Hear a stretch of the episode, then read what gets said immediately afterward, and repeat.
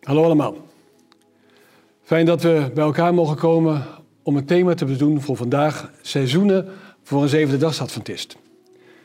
Als we naar buiten kijken, dan zien we dat het herfst is. Maar herfst is natuurlijk maar één van de vier seizoenen die ons land te bieden heeft. In die zin is Nederland een rijk land waar we herfst, winter, lente en zomer mogen hebben. En de volgorde, u zult zien, behandel ik zo meteen nog anders. Ik ga het natuurlijk niet over meteorologische dingen hebben. Ik ga het vooral hebben over wat betekent dat in ons geestelijk leven, ieder seizoen op zich. Hoe staan we daarvoor in ons geestelijk leven? En wat betekent het voor de wederkomst van Jezus? Maar ik begin met een verhaal wat we tegenwoordig niet zoveel meer zien. Dat is het verhaal van een lifter. Liften, u weet het wel, dat is met je duim omhoog gratis reizen. En dit gaat over een pas afgestudeerde graficus. Een, iemand die design gestudeerd heeft. Gestudeerd heeft aan de hogeschool. Um, en zijn studiebeurs is afgelopen. Zijn OV-kaart ook. En hij wil graag naar huis. Of richting in ieder geval waar hij richting huis. Dus gaat hij met de duim omhoog. Zo heet het heet. Als lifter. En uiteindelijk stopt daar een prachtige luxe auto. Uh, en die vraagt waar wilt u naartoe? En het is precies de plaats waar hij ook moet wezen. Het komt fantastisch uit, dus hij mag instappen. Nou, wat wil je nog meer als lifter in een prachtige luxe auto gebracht worden naar de plaats waar je moet wezen? En in dat gesprek bij deze lifter en de bestuurder, en dat is een jonge vrouw, zo rond een jaar of veertig, ontspant een gesprek over wat hij gedaan heeft, wat hij, hoe hij het in elkaar zit. En zo vertelt hij zijn studie en zijn ambitie om daar zo ook aan het werk te gaan als grafisch ontwerper. Aan het eind van de rit zet de vrouw hem af bij waar hij moet zijn en ze geeft hem haar kaartje. Dat kaartje stopt hij weg en hij is gewoon blij dat hij thuis is. Bij thuiskomst uiteindelijk pakt hij zijn spullen uit en ziet hij ook het kaartje. Hij ziet daar een kaartje van de topvrouw van een grafisch ontwerpbureau. En hij denkt, daar heb ik mee in de auto gezeten. De volgende dag trekt hij de stoute schoenen aan en belt daarop. Hij krijgt er zelf niet aan de telefoon, maar de secretaresse wel. En hij vertelt dat hij graag met die mevrouw wilde praten... waar hij gisteren mee, mee wil gaan rijden... kijken of hij een baan kon krijgen. En hij wordt doorverbonden. En dan de prachtige tekst die deze vrouw zegt. Hij zegt, ik wil heel graag een sollicitatiegesprek hebben. Hij zegt, dat gesprek hebben we al gehad. We hebben samen in de auto gezeten en ik zie dat je uit het goede steen gesneden bent. Dus je bent welkom, ik zal je een voorstel doen voor een baan en dan mag je beginnen. Het is bijna een verhaal wat te gek is om waar te zijn. Want toch is het waar. En waarom is het waar? Omdat toeval niet bestaat. God leidt onze wegen op een wonderbaarlijke manier.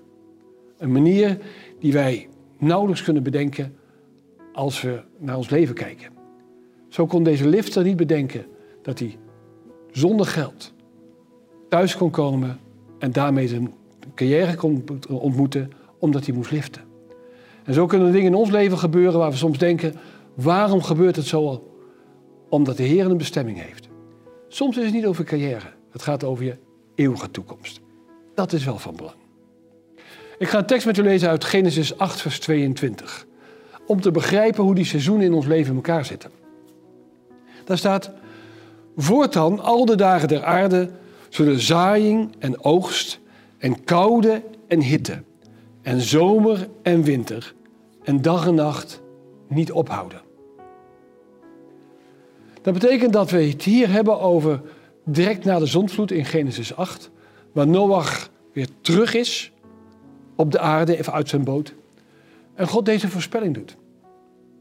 Wat is er dan gebeurd? Want 1600 jaar lang waren er geen seizoenen op aarde. Er was ook geen regen voor de zondvloed. De aarde is van 33 graden gekanteld. En door die kanteling van de aarde is er een, zijn de seizoenen ontstaan. Zo heeft God het gemaakt. En als je daar de wetenschap op naslaat, dan zie je dat die seizoen inderdaad ontstaan door het zwaartepunt gedraaid is. En dat hij als wel weer opnieuw zou kunnen draaien. Ja, als je vanuit de evolutietheorie denkt wel. Maar wij denken dat God alle dingen bepaalt, ook dit. Zo hebben we seizoenen gekregen. Op de nieuwe aarde zegt God niet voor niks, ik schep u een nieuwe hemel en een nieuwe aarde, komen we niks tegen, tenminste ik niet in de Bijbel, wat er weer seizoenen zullen zijn. Dus het is iets wat te maken heeft ook met de zonde en vooral na de zondvloed. Dus als we het dan hebben over de aarde zoals die geschapen is, was die natuurlijk perfect.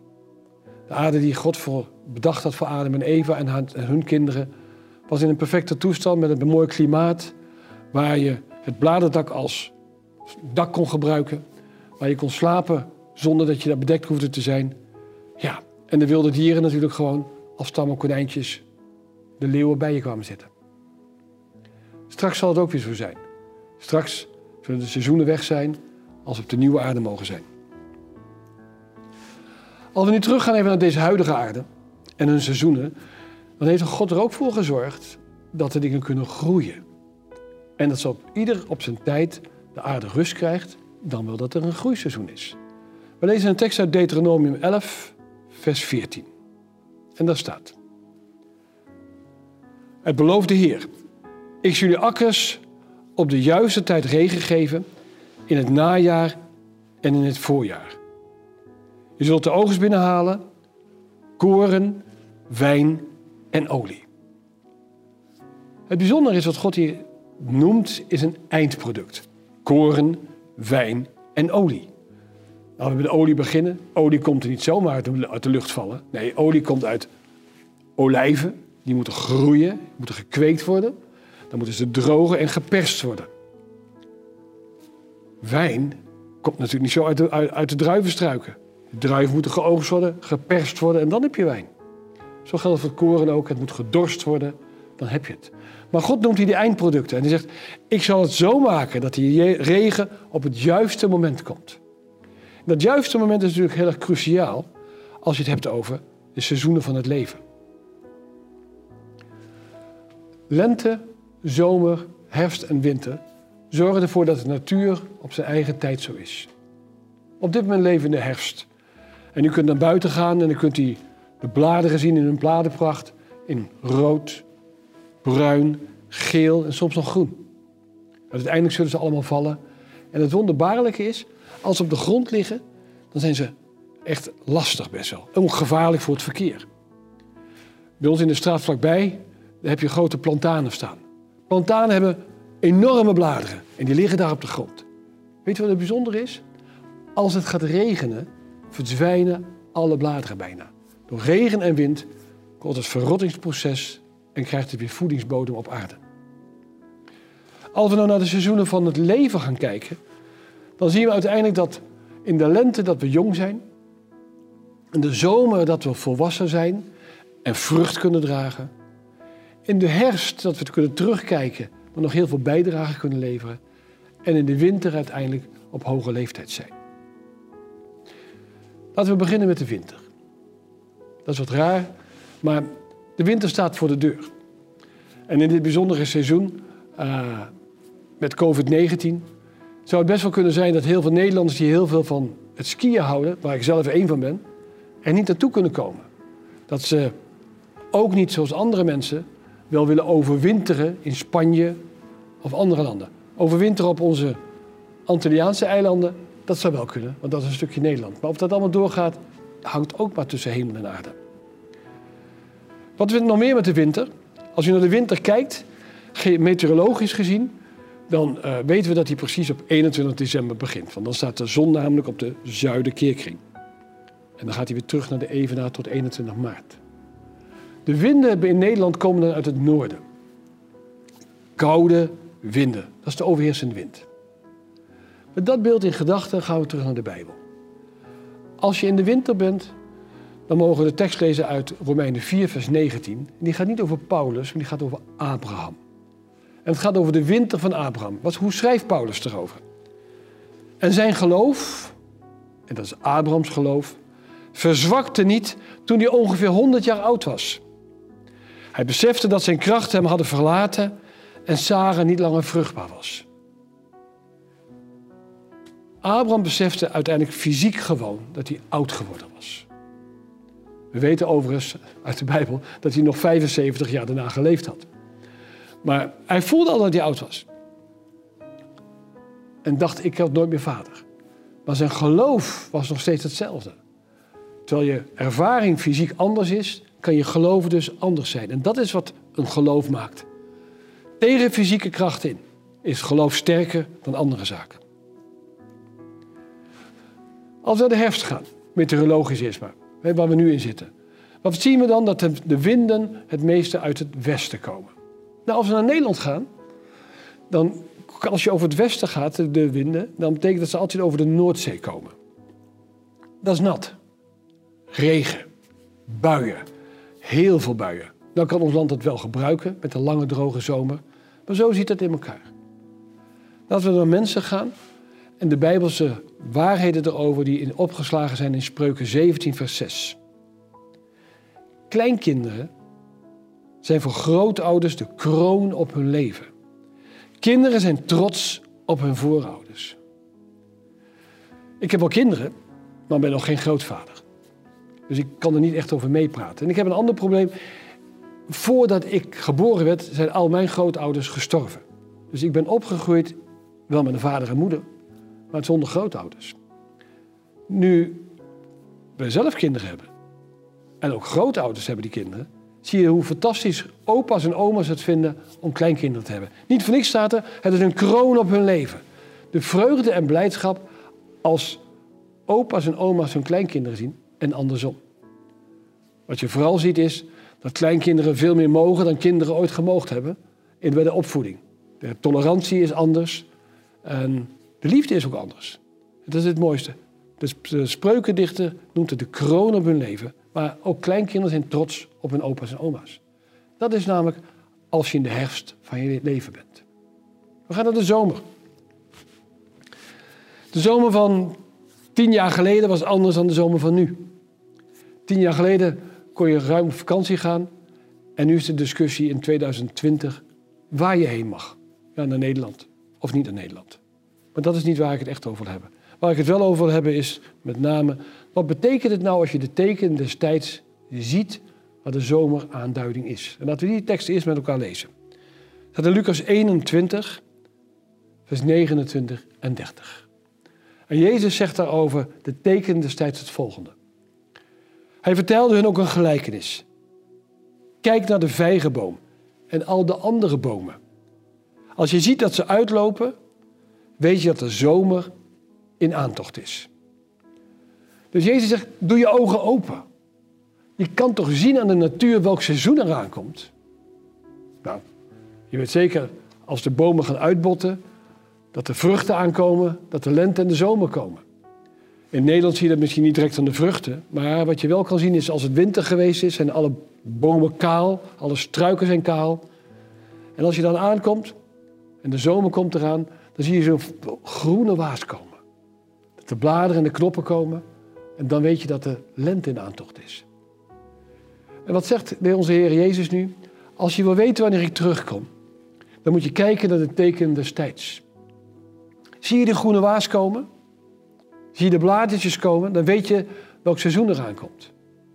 Wat staat er Matthäus 24? Oorlogen. Geruchten van oorlogen. Besmettelijke ziektes. Wat wilt u nog meer weten? Corruptie en weet ik wat nog meer. Als je ziet de discussie over verkiezingen in Amerika. Als we de hele coronacrisis sinds januari, februari in de hele wereld zien.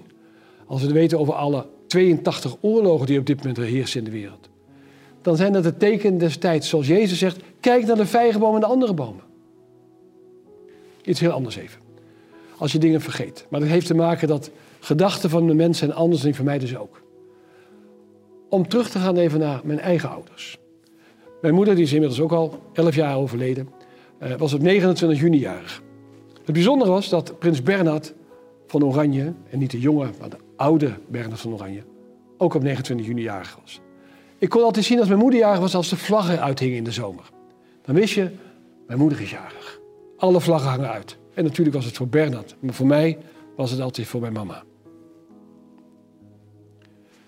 We gaan naar een tekst van de predikerdichter om aan te geven de betekenis hoe we naar het leven kijken en wat we ermee doen.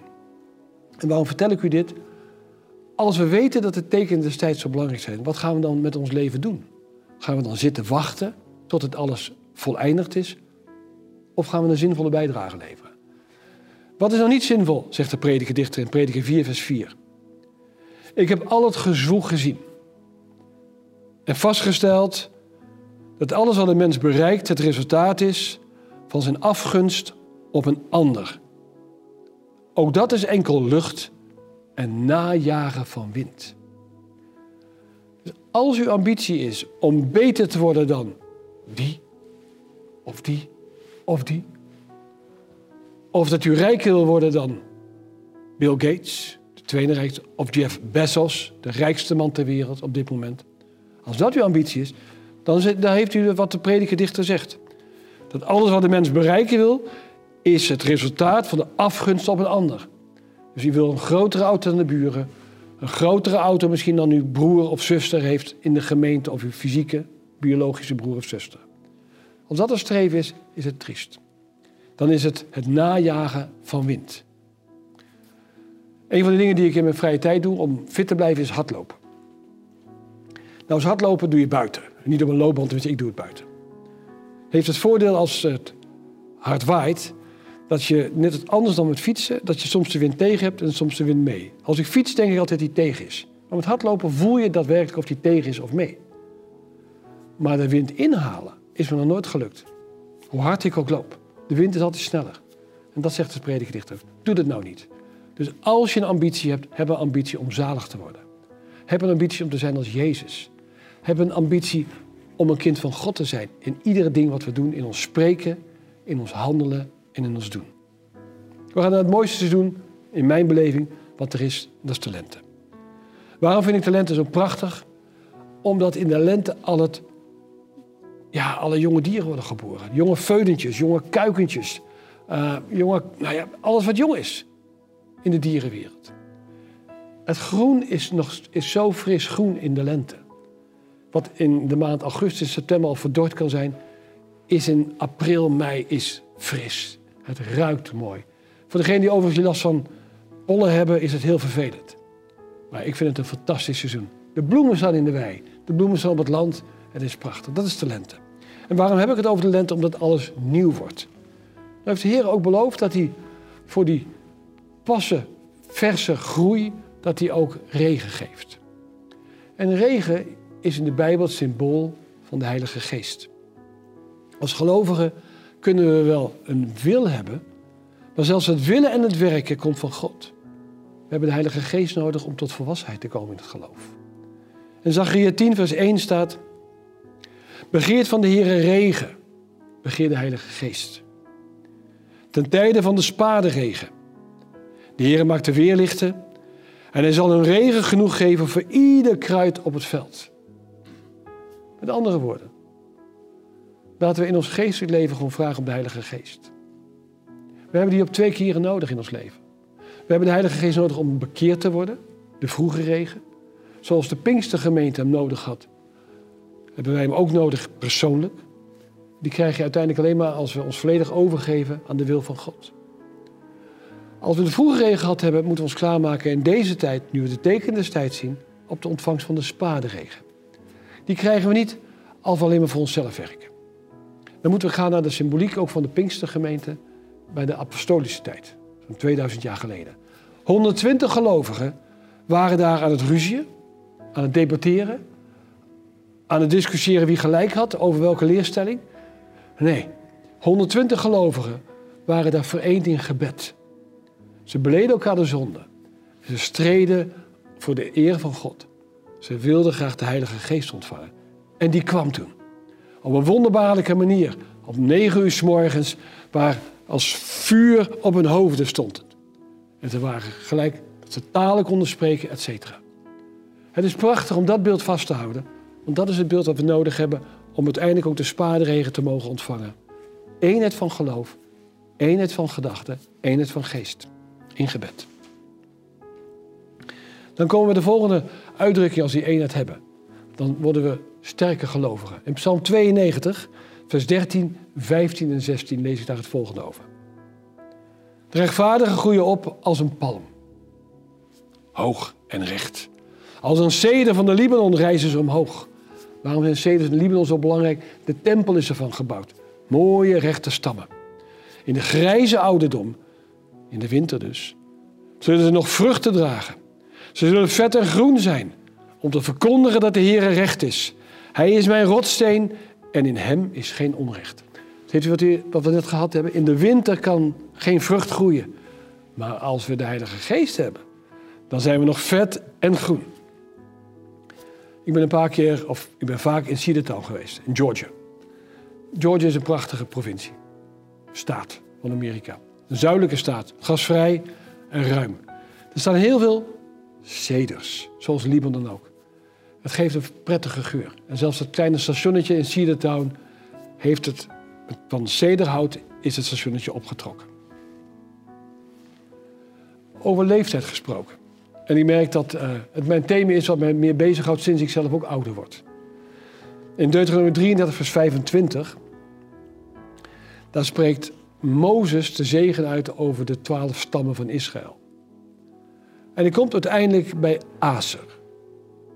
Aser is een wat onbekende stam. Aser is de zoon van Jacob en Zilpa. En Zilpa is een bijvrouw van Lea. Het is zijn laatste zoon.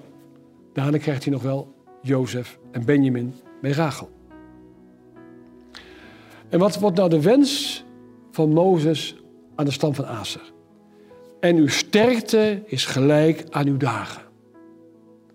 Dat betekent, als hoe ouder je wordt, hoe meer kracht je in het geloof krijgt. Dus beste broeders en zusters, ouder worden is een feest als je gelovig bent. Dat is toch mooi om dat te horen en dat te lezen in Deuteronomie 23, vers 25. Dat je het gaat toenemen met de dagen die je lengt. Dan wil je toch graag dat je heel oud wordt. Want dat je dan een heel sterk geloof krijgt. Ik wens je dat ook echt.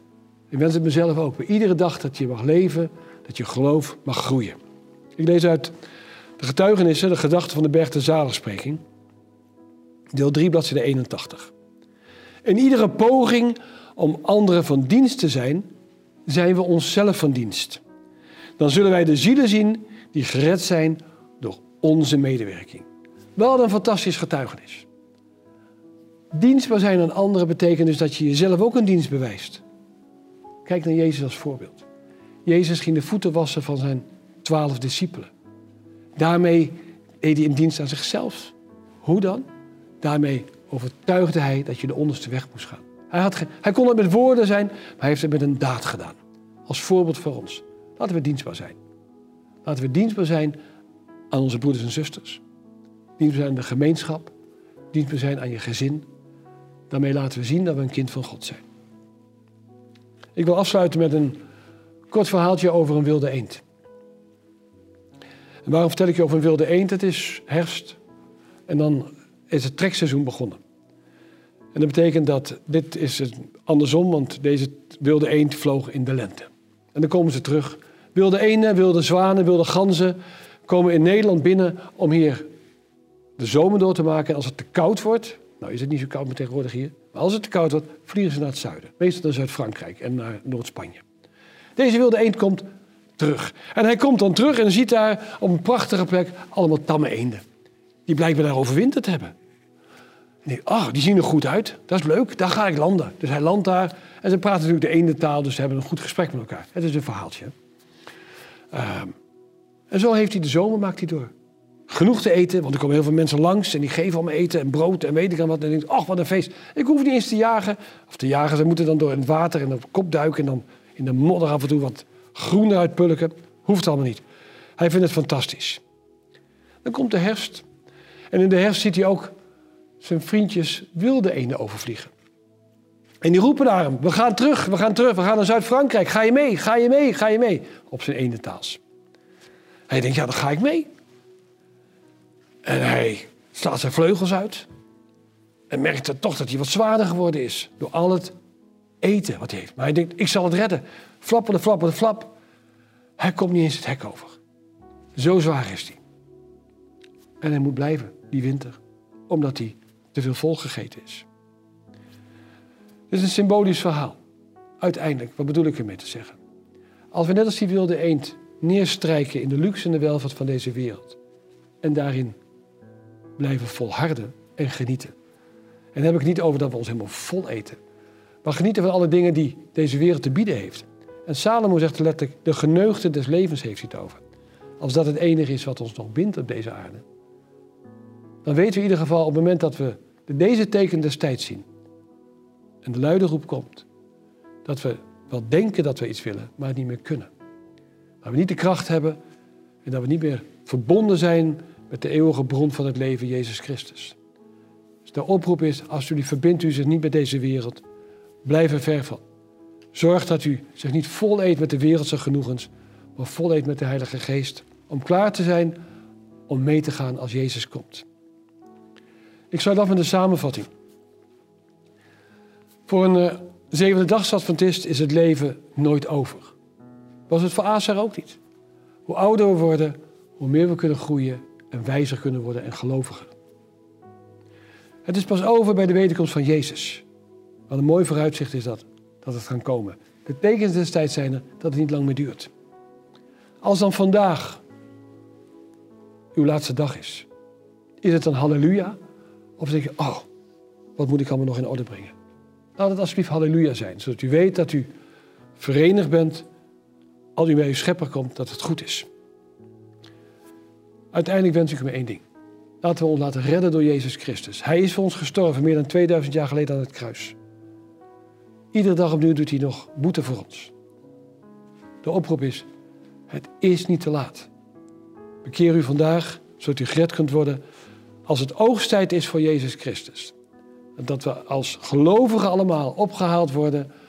Dat Jezus op de wolken komt en alle gelovigen die in hem als zijn verlosser zien, meeneemt naar huis. Dat is mijn wens en gebed. Amen.